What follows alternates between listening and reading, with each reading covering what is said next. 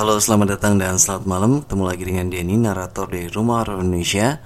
Kembali lagi untuk membacakan sebuah cerita horor buat kalian semua. Semoga sobat RHI semuanya dalam keadaan sehat dan bahagia. Pada malam hari ini, saya akan membacakan sebuah email yang dikirim oleh sebut saja namanya Mas Rahmat ya. Jadi inilah dia. Teror, teror, teror di pondok, di pondok, pesantren. Assalamualaikum kak, gue mau berbagi kisah horor yang gue alami. Tolong jangan sebutkan nama gue. Gue mau cerita tentang teror hantu anak kecil dengan muka hancur di pondok pesantren. Kisah ini berawal dari saat pertama gue masuk ke pondok pesantren pada bulan Juni tahun 2020 yang lalu. Gue itu masuk pondok bertiga di tanggal yang sama bersama dengan dua teman gue. Panggil saja Jack dan Iki. Jadi pondok gue itu ada di kecamatan Cibinong, Kabupaten Bogor. Dan di pondok gue itu lokasinya dekat kuburan dan di belakangnya ada banyak pohon bambu. Awalnya sih waktu pertama gue menginjakan kaki di pondok itu, gak ada yang aneh seperti pondok pada umumnya. Tapi beberapa hari kemudian, gangguan-gangguan mulai datang. Jadi situasinya gini. Waktu itu jam 11 malam, gue sama dua teman gue, si Jack dan Iki tadi, kondisinya lagi lapar. Terus kita berencana buat masak mie di dapur. Dapur pondok itu ada di bagian belakang dan berbatasan langsung dengan rimbunnya pepohonan bambu. Di situlah gue masak mie dan dua temen gue duduk dekat tembok yang setengah mengarah ke kuburan. Nah, ketika mereka lagi mabar Mobile Legend sambil nungguin gue beres masak mie, tiba-tiba ada angin bertiup kencang dari arah kuburan. Kok tiba-tiba angin kencang banget ya? Kata si Iki.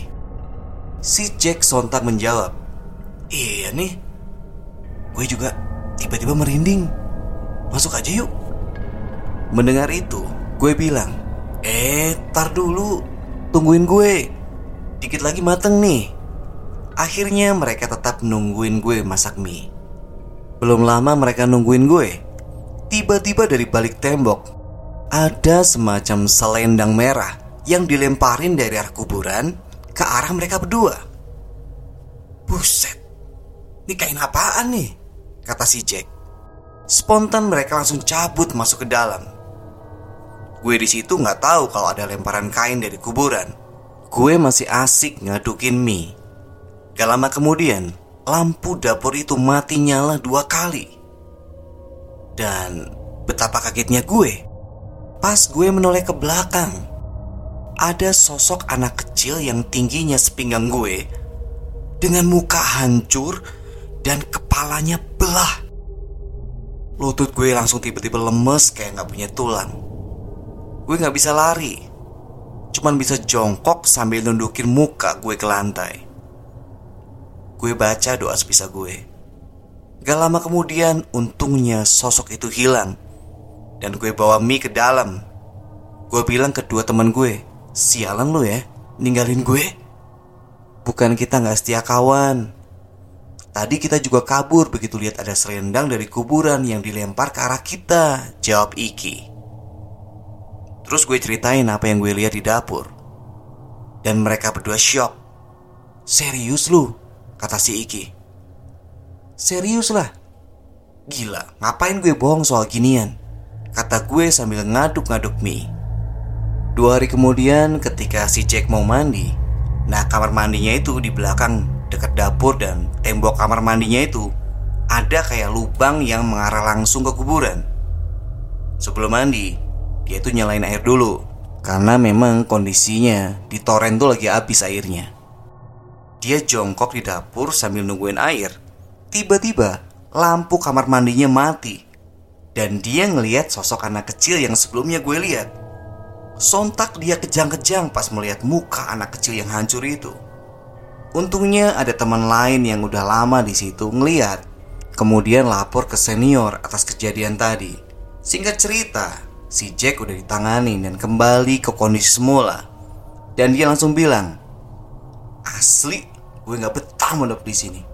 Serem banget tempatnya, kata dia. Kata senior, Tenang aja, itu cuma sambutan buat pendatang baru. Nanti kalau udah terbiasa juga semua akan baik-baik saja. Dan si Jack pun gak jadi keluar pondok gara-gara ucapan yang menenangkan dari senior itu. Terus di situ juga ada senior lain yang punya ilmu dalam menangani hal-hal yang berkaitan dengan makhluk halus. Dia minta satu orang relawan yang bersedia badannya dimasukin sosok anak kecil itu sebagai medium supaya bisa ditanya-tanya. Akhirnya ada satu orang yang bersedia badannya dimasukin setan itu. Setelah berhasil, setan itu pun ditanya, "Kenapa kok kamu suka ganggu santri-santri di sini?" Nah, setan itu ternyata cuma mau minta tolong karena di pohon bambu dia selalu digalakin sama sosok genderuwo penunggu pohon bambu. Dia dipukul, diusir, nggak boleh diam di pohon bambu intinya. Dan dia juga sempat cerita kalau dia tuh pernah hidup pada tahun 1984 Dan dia meninggal di umur 5 tahun karena ketabrak kereta waktu itu Senior itu terus bilang Ya udah, mulai sekarang kamu boleh diam di pondok ini Tapi satu syarat Jangan menampakkan diri lagi ke santri-santri di sini dan akhirnya setan anak kecil itu pun dipindahin ke gudang tempat nyimpan karpet yang ada di dalam pondok. Segitu saja kisah hantu anak kecil dengan muka hancur di pondok pesantren. Dan sampai sekarang, gue dan yang lainnya gak pernah lihat lagi sosok anak kecil itu. Terima kasih, semoga dibacakan di podcast Rumah Horor Indonesia. Dan maaf kalau ceritanya kurang serem. Oke, sobat Rumah Indonesia, demikianlah cerita kiriman dari Mas Rahmat. Mas Rahmat bercanda nih Masa kayak gini dibilang gak serem? Nah buat kalian yang juga punya cerita mistis atau pengalaman mistis Kirim aja ke denny.tristan1104 Semoga kalian terhibur dengan cerita tadi. Sampai ketemu di cerita berikutnya. Selamat malam, selamat beristirahat